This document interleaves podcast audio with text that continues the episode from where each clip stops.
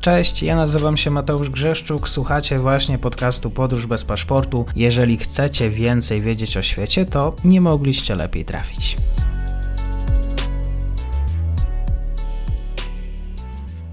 Partnerem odcinka jest Oanda, TMS Brokers, dom maklerski obecny na rynku już od ponad 20 lat. W opisie odcinka znajdziecie link do aplikacji, w której możecie otworzyć konto maklerskie i grać na giełdzie, a wcześniej potrenować na koncie demonstracyjnym. Jeżeli otworzycie konto za pośrednictwem tego linku, dostaniecie na start książkę o tematyce inwestycyjnej. Zapraszam, Mateusz. Dzień dobry wszystkim słuchaczom. Mam dzisiaj wielką przyjemność gościć po raz pierwszy na kanale. Ze mną jest e, pani dr Bata e, Wojna, była ambasador Rzeczypospolitej Polskiej w Meksyku, obecnie również International Relations at El Tecnológico de Monterrey w Meksyku. Dzień dobry pani doktor, pani ambasador, bardzo mi miło.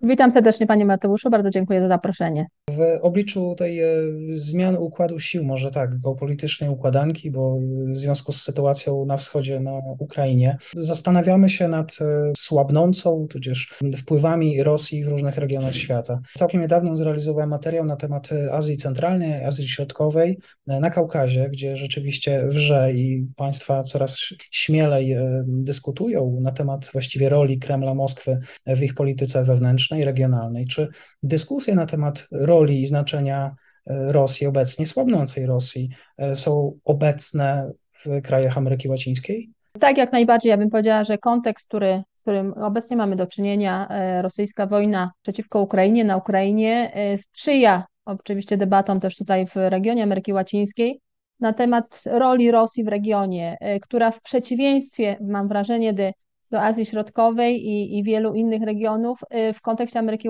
Łacińskiej wydaje się rosnąć. E, Rosja e, opuściła ten region Ameryki Łacińskiej przez długi czas, w zasadzie kiedy upadł Związek Radziecki, nie istniała jakaś taka konkretna strategia Federacji Rosyjskiej wobec tego regionu aż praktycznie do początku XXI wieku. Jest, I to jest właśnie od początku XXI wieku, od momentu, kiedy praktycznie Putin dochodzi do władzy, kiedy zmienia się ta perspektywa Rosji na temat Ameryki Łacińskiej i rozpoczyna się oczywiście to dążenie do zwiększenia wpływów w tym regionie, który jest regionem ważnym e, z wielu punktów widzenia, ale przede wszystkim jest regionem sąsiadującym ze Stanami Zjednoczonymi. I, I to jego znaczenie właśnie geopolityczne sprawia, że państwo takie jak Federacja Rosyjska e, zdała sobie sprawę właśnie, że obecność w Ameryce Łacińskiej może sprzyjać, można powiedzieć, takiemu podszczypywaniu Stanów Zjednoczonych właśnie y, z tego, z tego regionu. I, i, I w tym okresie dwudziestu kilku lat y, Rosja jest oczywiście bardzo obecna w tych państwach, które, w których ustanowione zostały te reżimy autorytarne. Mamy tutaj oczywiście Wenezuelę z, z, pre, z prezydentem Maduro, Kuba y, w jakimś tam stopniu wróciła do tych relacji bliskich z Federacją Rosyjską, aczkolwiek z pewnymi zastrzeżeniami, ponieważ czuła się zdradzona w momencie, kiedy upadł Związek Radziecki i Federacja Rosyjska przestała współpracować z Kubą, zostawiając ją tak naprawdę samą sobie. I Nikaragua to są te trzy państwa, które są takimi kluczowymi obecnie y, punktami y, obecności Federacji Rosyjskiej, ale oprócz tego mamy Argentynę oczywiście, mamy też Boliwię, mamy też obecnie Honduras e, i, i wcześniej też Salwador, więc są takie punkty permanentne na tej mapie wpływów rosyjskich i punkty, które pojawiają się od czasu do czasu. I do tego bym dodała jeszcze ten element związany e, z tą obecnością medialną Rosji, to znaczy cała ta polityka skierowana na manipulację informacji ma się bardzo dobrze w Ameryce Łacińskiej, powiedziałam, ma się nawet świetnie, znacząco lepiej niż w Europie, niż w wielu innych regionach, e, nawet pozaeuropejskich, z tego względu, że rzeczywiście Rosja e, rozwinęła w ogromnym stopniu swoje kanały, e, zarówno Russia Today, jak i Sputnik, które są obecne, są słuchane, są, są oglądane przez, przez różne grupy w państwach Ameryki Łacińskiej.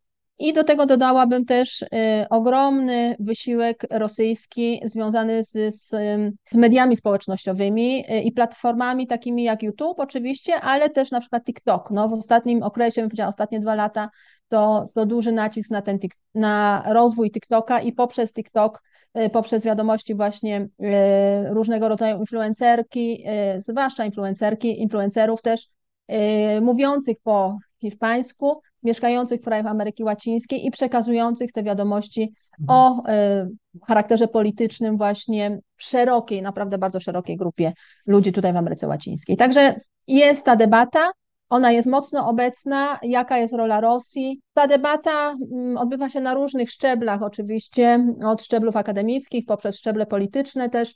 Y, I tam też od czasu do czasu pojawiają się oczywiście y, sygnały ze Stanów Zjednoczonych na temat tego, jak y, szerokie, jak, jak głęboko jest zakorzeniona polityka rosyjska czy Rosja w różnych grupach społecznych i w polityce różnych krajów, krajów regionu.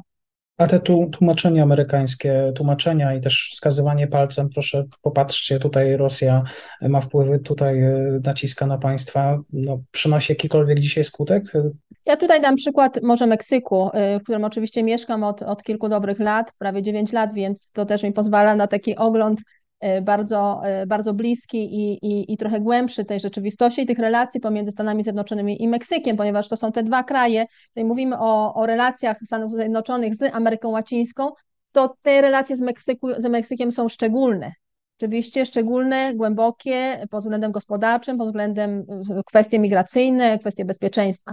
I Stany Zjednoczone kilka miesięcy temu była taka sesja w Senacie Stanów Zjednoczonych w Komitecie w jednym z komitetów Senatu e, Stanów Zjednoczonych, w którym jeden z generałów stwierdził, że na terenie Meksyku zwiększyła się liczba agentów GRU.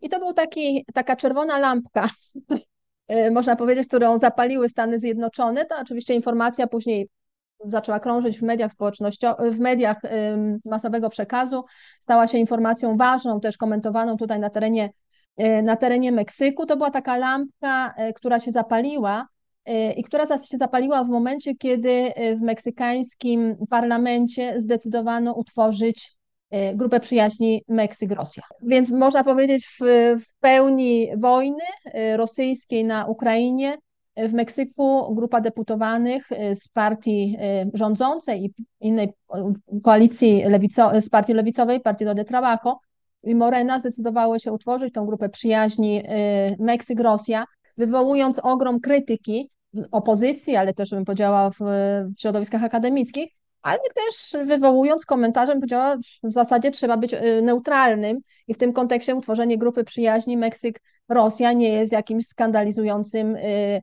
wydarzeniem, więc w ramach tej, w kontekście tego wydarzenia pojawiła się ta informacja ze Stanów Zjednoczonych, tak jak mówię, czerwona lampka i też ambasador Stanów Zjednoczonych tutaj w Meksyku, Ken Salazar, następnego dnia y, wydał takie oświadczenie, mediom, stwierdzając, że e, no, Meksyk, Stany Zjednoczone to państwa, które są, e, są sojusznikami, współpracują bardzo blisko i nie powinno być miejsca na tego rodzaju tego rodzaju wybryki, w cudzysłowie oczywiście, w momencie, kiedy toczy się wojna rosyjska przeciw Ukrainie, że to jest jednak trochę przekroczenie tej granicy, którą wyznaczają relacje, dobre relacje pomiędzy sojusznikami. Także tak to wygląda w praktyce, można powiedzieć, ta debata, te dyskusje na temat tego, jakie są wpływy Rosji i czy one są głębokie i, i jaką pozycję ma Rosja tutaj w, w Meksyku i ogólnie w innych krajach Ameryki Łacińskiej, która, która jest trochę podzielona pod tym względem, jeżeli chodzi właśnie o, o swoje stosunki z Rosją i o pozycję wobec y, wojny rosyjskiej na Ukrainie. Są kraje, które ewidentnie stanęły tutaj po stronie, po stronie Ukrainy, to była Kolumbia, do niedawna, no ponieważ teraz niedawno mieliśmy wybory też w Kolumbii, y, nowy prezydent, trudno tutaj jeszcze jednoznacznie ocenić, jaka będzie pozycja Kolumbii w tym kontekście, ale Kolumbia, y, Chile, y, bez, bez wątpienia to są te kraje, Kostaryka, które jednoznacznie się opowiedziały za, po stronie ukraińskiej. Pozostałe, można powiedzieć, argumentując tą kwestię koniecznością utrzymania neutralności, tak jak Meksyk, Brazylia, Argentyna, też potępiły tą wojnę, na przykład w rezolucjach Zgromadzenia Ogólnego Narodów Zjednoczonych, sumując się te, na te, do tych rezolucji, natomiast no, w praktyce bym powiedziała, tutaj jest pewnego rodzaju dwuznaczność, na przykład w pozycji, pozycjach prezydentów tych krajów, e, w kontekście Meksyku prezydent López, López Obrador. I wreszcie trzecia grupa to są kraje typu Wenezuela, typu Kuba, Nikaragua, Boliwia, czy Salwador, czy Honduras, które, które bym powiedziała raczej sytuują się bliżej, bliżej Rosji. Tutaj wyraźnie, wyraźnie to widać. Ale pytanie o znaczenie Rosji, o wpływy Rosji, to nie jest główne pytanie, które sobie zadają obywatele Ameryki Łacińskiej, krajów Ameryki Łacińskiej, na temat właściwie takiej obecności, znaczenia tego regionu na świecie. Ta jakby kwestia potyczki, układu Stany Zjednoczone, Rosja, to, to, to nie jest wszystko. No i tu pytanie właśnie, jak postrzegają sami siebie obywatele Meksyku, Nikaragui, innych krajów, jeżeli chodzi o taką wpływy międzynarodowe dzisiaj? No, ja bym, ja bym powiedziała, że e, ja bym powiedziała, że te wpływy Ameryka Łacińska ogólnie e, w ciągu ostatnich dekad utraciła tą pozycję międzynarodową, którą miała jeszcze, można powiedzieć, na początku XX wieku. Gigantyczne kraje ważne typu Argentyna, typu Brazylia i, i znaczenie ich w kontekście w kontekście tej, e, tej sytuacji gospodarczej, eksporterzy produktów spożywczych, rolno-spożywczych przede wszystkim. Natomiast w, e, w, ciągu powiedzmy tej zimnej wojny Ameryka Łacińska była tym ważnym polem konfrontacji pomiędzy Związkiem Radzieckim i, i Stanami Zjednoczonymi i po zimnej wojnie następuje takie, takie, taka swego rodzaju odwilż, to znaczy wielkie e, mocarstwa przestają się interesować Ameryką Łacińską, co oczywiście sprzyja temu, żeby, e, żeby przede wszystkim zakończyć konflikty, na przykład w Ameryce Środkowej, bolesne konflikty, wojny domowe w Salwadorze czy też w Gwatemali, E, natomiast równocześnie dochodzi do fenomenu nowego, który, który związany jest ze wzrostem i zwłaszcza regionu azjatyckiego. Chiny, Azja to jest ten region, który staje się atrakcyjny dla, można powiedzieć, tych graczy zewnętrznych, to pod względem gospodarczym, jak i pod względem politycznym. Tutaj Ameryka Łacińska pozostaje trochę, można powiedzieć, dryfuje sama, sama dla siebie z jakimiś tam momentami, kiedy Stany Zjednoczone mówią, to powinniśmy, e, mm, powinniśmy, e, powinniśmy bardziej iść w kierunku relacji gospodarczych i rzeczywiście podpisa, podpisanych zostało wiele umów o wolnym handlu, między innymi ta Stany Zjednoczone, Meksyk i Kanada, która dzisiaj jest tą najważniejszą umową handlu, o wolnym handlu w regionie, NAFTA zreformowana, zreformowana niedawno. I od początku XXI wieku pojawia się Rosja i rozpoczynają też y, pod względem gospodarczym tutaj pojawiać się Chiny. Natomiast nie, nie ma tutaj w Ameryce Łacińskiej w tym ostatnich, w ciągu tych ostatnich 20 lat y, zasadniczej zmiany gospodarczej w, regionu, w regionie, która byłaby na tyle istotna, żeby zachęcić rzeczywiście, ja bym powiedziała, inwestorów do ogromnej obecności w tym regionie. Także jeżeli spojrzymy na rozwój polityczny tego regionu, to nie udało się tak naprawdę e, wprowadzić tutaj demokracji w pełnym tego słowa znaczeniu. Owszem, większość Ameryki Łacińskiej to są kraje demokratyczne, ale z różnymi problemami i także z różnymi tendencjami autorytarnymi, które się e, pogłębiają w ciągu tych ostatnich, tych ostatnich lat. W związku z tym Ameryka Łacińska, jeżeli spojrzymy na to z zewnątrz i powiedzmy, spróbujemy ocenić, jaka jest pozycja relatywna tego regionu wobec innych regionów, jest tak trochę na marginesie tych stosunków międzynarodowych. Z drugiej strony, jak siebie postrzegają ci, którzy mieszkają tutaj w Ameryce Łacińskiej, w różnych krajach? Ja bym powiedziała, że e, przede wszystkim żyją, można powiedzieć, tak trochę na peryferii, to znaczy żyją e, tym, co się dzieje w regionie. Jeden z głównych problemów tego regionu to jest e, bezpieczeństwo, a raczej brak tego bezpieczeństwa. Kraje Ameryki Łacińskiej w zdecydowanej większości są tymi krajami dotkniętymi przez przestępczość zorganizowaną, e, kwestie karteli narkotykowych, to jest bardzo obecne, ale nie tylko, nie tylko kartele narkotykowe, innego rodzaju przestępczość zorganizowana czy też niezorganizowana e, dotyka praktycznie wszystkie kraje tego regionu, niektóre więcej, niektóre mniej, ale jest, ale jest obecna. Czyli ta, można powiedzieć, kwestia bezpieczeństwa ludzkiego, to znaczy wyjść na ulicę i przeżyć w wielu krajach czy w wielu regionach, to jest rzeczywiście problem codzienny. E, z drugiej strony e, też kwestie związane z korupcją. Także to jest e, istotny, istotny punkt, można powiedzieć, który dotyka praktycznie każdego, każdego kto mieszka w, w krajach Ameryki Łacińskiej z nielicznymi wyjątkami, typu Chile, typu Kostaryka być może.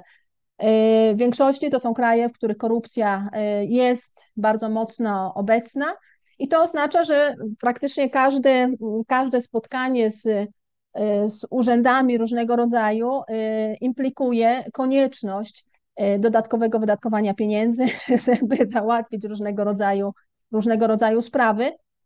I to są te kwestie, które co, na co dzień, można powiedzieć, martwią, czy które stanowią podstawowy problem w kontekście tutaj życia w Ameryce Łacińskiej. I do tego trzeba dodać też, że są to, są to kraje tutaj w tym regionie, których, w których występuje duża dysproporcja pomiędzy tymi bogatymi i tymi którzy mniej posiadają. To znaczy ten wskaźnik Gini, który nam odzwierciedla dokładnie właśnie jaka jest dysproporcja pomiędzy bogatymi i biednymi, tutaj y, można powiedzieć y, uzyskuje kolor y, czerwony, czerwony, mocno czerwony w porównaniu z innymi regionami, z innymi regionami świata.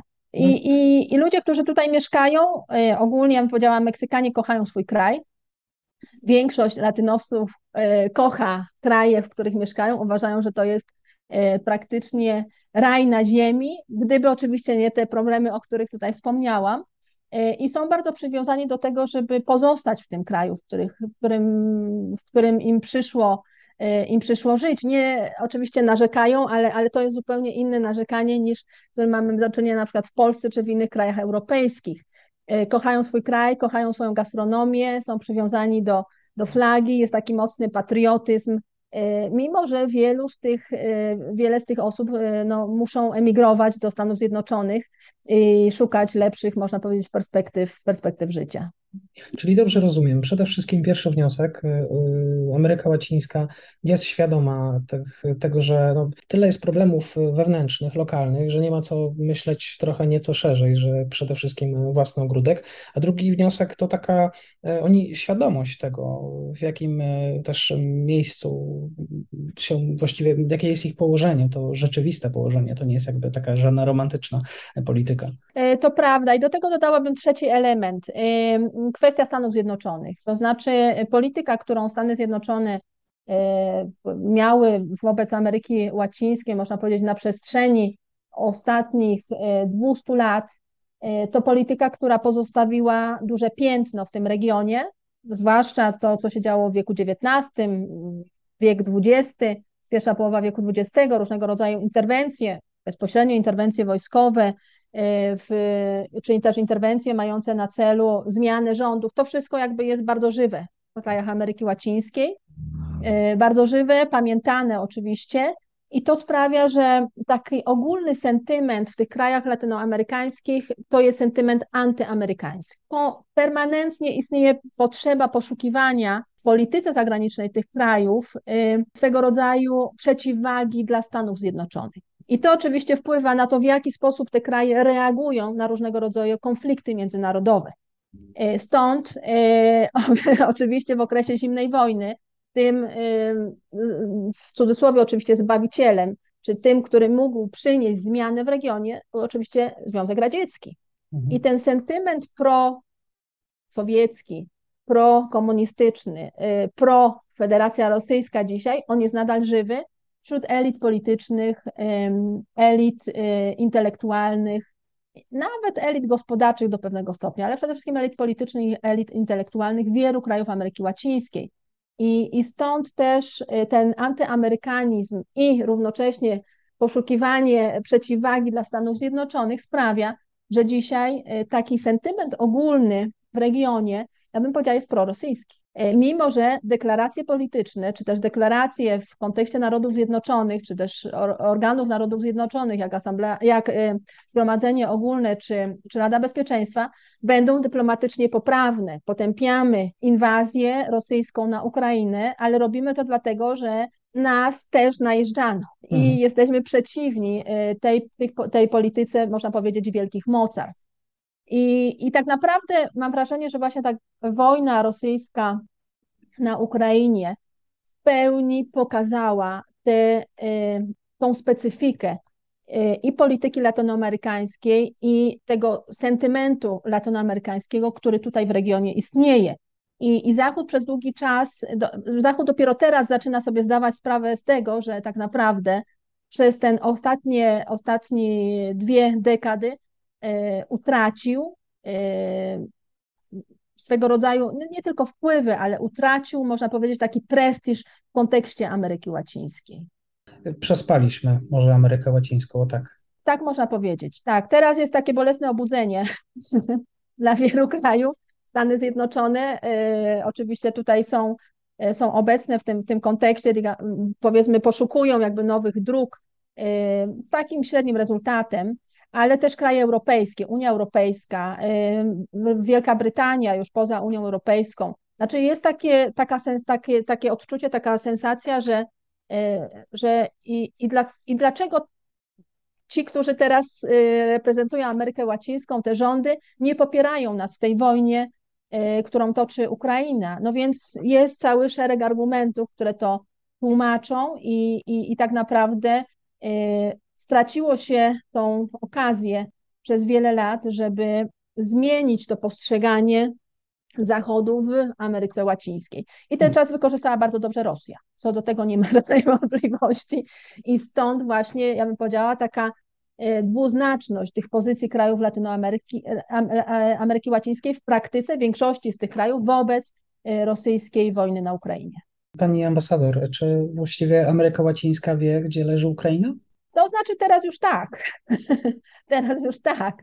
Natomiast, e, natomiast e, zanim zaczęła się ta, ta wojna, zanim zaczęła się inwazja rosyjska e, przed końcem lutego, ja bym powiedziała, że tak ogólnie debata na temat, na temat tego najpierw konfliktu, wojny, wojny obecnie toczyła się w, w tym regionie z perspektywy, dlaczego Rosja ma prawo do swojej strefy wpływów a nie z perspektywy, dlaczego Ukraina ma prawo do tego, żeby y, mieć y, terytorium y, w pełni zagwarantowane i ma prawo do tego, żeby decydować o swojej przyszłości.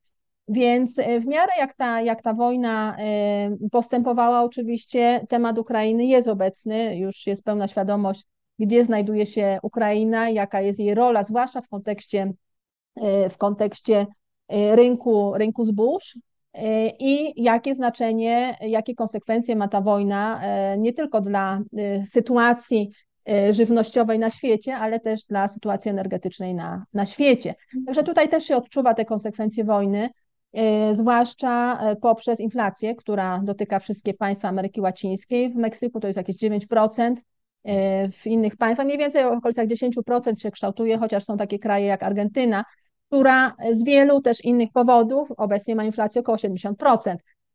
Więc, więc mamy tutaj y, pewne zróżnicowanie. Ale tak, jest pełna świadomość, y, z tym, że y, ja bym powiedziała, tutaj warto też, warto też zaznaczyć ten element, dlaczego jest zła sytuacja gospodarcza na świecie, jak to tłumaczą, jak to widzą, bym powiedziała tutaj w Ameryce Łacińskiej, ponieważ Europa nałożyła sankcje na Rosję to nie Rosja jest winna temu, że najechała Ukrainę i stąd trzeba zareagować, żeby wstrzymać Rosję. Nie, to Europa nałożyła sankcje na Rosję i dodatkowo sprzedaje broń, y, czy sprzedaje, czy też y, przekazuje broń Ukrainie, co powoduje, że ta wojna się wydłuża. Wobec tego, gdyby Europa zmieniła swoją politykę, to w zasadzie byliśmy, mielibyśmy już, bylibyśmy już po zakończeniu po zakończeniu wojny. Są też argumentacja jest bardzo taka, bym powiedziała, perfidna z punktu widzenia tej rosyjskiej wojny na Ukrainie, zwłaszcza z perspektywy, patrząc z perspektywy, z perspektywy Ukrainy na, ten, na, na, na sytuację, jaką, jaką, jaką przeżywa ten, ten kraj. To może pytanie na zakończenie. Kwestia chińska, o której już Pani wspomniała. Obecność Pekinu w różnych regionach świata jest już coraz śmielej badano tak przede wszystkim i Afryka i oczywiście Europa Środkowo-Wschodnia i tutaj kraje Indo-Pacyfiku. Ameryka Łacińska, y, czy właściwie kraje Ameryki Łacińskiej już rozgryzli o co chodzi właściwie Pekinowi w ich polityce, no bo często mówimy to o pułapce zadłużenia, o pułapce tej ekonomicznej, w którą wpadają kraje. No, Chiny oczywiście chętnie zostawiają pieniądze, e, ale przyjeżdżają z własnymi, jakby to powiedzieć, firmami, firmami, które podejmują się projektów infrastrukturalnych. Jak jest w przypadku Ameryki? E, Ameryka Łacińska to złożony region, stąd też ja bym powiedziała, że jeżeli mówimy o obecności Chin, to jest zwłaszcza Ameryka Południowa, czyli takie kraje jak Brazylia oczywiście, ale też Peru, Ekwador, e, Boliwia do pewnego stopnia, e, Argentyna, to jest Ameryka Południowa. Podczas Ameryka Środkowa częściowo mamy do czynienia też z obecnością Chin i Ameryka Północna to jest Meksyk, który jest jednoznacznie połączony, można powiedzieć, tutaj gospodarczo ze Stanami Zjednoczonymi. Chiny mają e, przede wszystkim interesy gospodarcze w Ameryce Południowej i stąd faktycznie pewne inwestycje, które zostały wykonane przez Chińczyków, niekoniecznie wszystkie zakończyły się dobrze i tutaj to, co, to o czym pan, pan e, wspomina, firmy chińskie, które e, w Peru były obecne, które w Ekwadorze były obecne, budując, konstruując różnego rodzaju projekty i, i tak naprawdę nie pozostawiając, czy też nie generując miejsc pracy dla ludności miejscowej. To, to wszystko tutaj też istnieje w Ameryce w Ameryce Południowej y, jest, y, jest znane i stąd też jest pewnego rodzaju taki większy sceptycyzm co do tego, na ile Chiny mogą rzeczywiście stać się tym elementem zmian w kontekście rozwoju społeczno-gospodarczego dla, dla regionu. Ale Chiny są obecne permanentnie, gospodarczo i będą obecne z pewnością w perspektywie y, średnio i długoterminowej. E, są kraje, które potrafiły to wykorzystać bardzo dobrze, jak na przykład Chile, które nawet stało się jednym z głównych dostawców owoców, e, owoców do, do Chin w pewnym momencie. Chiny mają umowę o wolnym handlu z Chile, e, Kostaryka, która też ma umowę o wolnym handlu z, z Chinami, ale, ale tutaj akurat rezultaty nie są aż tak, aż tak pozytywne. Czyli jest ta obecność gospodarcza, która wypiera powoli, można powiedzieć, obecność gospodarczą Unii Europejskiej, jeżeli mówimy o wymianie handlowej. Obecnie Chiny są e, pierwszym, czy nawet Stanów Zjednoczonych, obecnie Chiny są pierwszym, e, pierwszym e, partnerem handlowym dla większości krajów Ameryki Południowej. Z drugiej jednak strony Chiny mają też pewnego rodzaju interesy polityczne w regionie. Nie są one duże, ale są związane z tym, że kraje Ameryki Środkowej, był, czy można powiedzieć region Ameryki Środkowej, to był ten region, którym znajdowało się najwięcej krajów, które uznawały Tajwan jako Republikę Chińską i nie utrzymywały re, re, relacji dyplomatycznych z, z Chinami kontynentalnymi. Ta sytuacja w ciągu ostatnich lat powoli, y, powoli się zmienia, w miarę oczywiście jak Chiny y, zaktywizowały swoją politykę gospodarczą i politykę no, oferowania, y, można powiedzieć, y, lepszych, lepszych warunków współpracy tym krajom Ameryki Środkowej. Obecnie pozostaje zaledwie kilka krajów, które uznają Tajwan jako spadkobiercę Republiki Chińskiej i y, utrzymują relacje dyplomatyczne z Tajwanem. Stąd też ten element polityczny jest ważny. Y, Chiny, wzrosło znaczenie Chin y, w, w kontekście pandemii COVID-19. Chiny stały się jednym z ważnych dostawców szczepionek do krajów Ameryki Południowej, nawet wyprzedzając w tym kontekście Unię Europejską.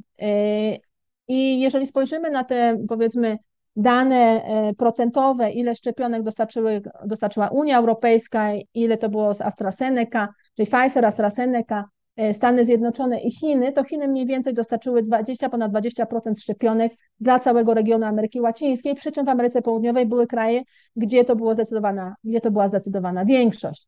Unia Europejska jest pierwszym najważniejszym dostawcą e, szczepionek, czy była w tym okresie krytycznym pierwszym najważniejszym dostawcą, ale e, niestety ze względu na różnego rodzaju debaty wewnątrz Unii Europejskiej, e, mam wrażenie, że komunikacyjnie nie potrafiono e, z Unii Europejskiej odpowiednio przedstawić tej sytuacji i, i tak naprawdę w wielu krajach Ameryki Łacińskiej to, co pozostało, to niesmak po tym, jak były debaty żeby w Unii Europejskiej, żeby zatrzymać ten eksport, eksport szczepionek. I, I Rosja, która także bardzo mocno tutaj deklarowała, że, że dostarczy szczepionki dla wszystkich krajów Ameryki Łacińskiej, dostarczyła 5% tak naprawdę.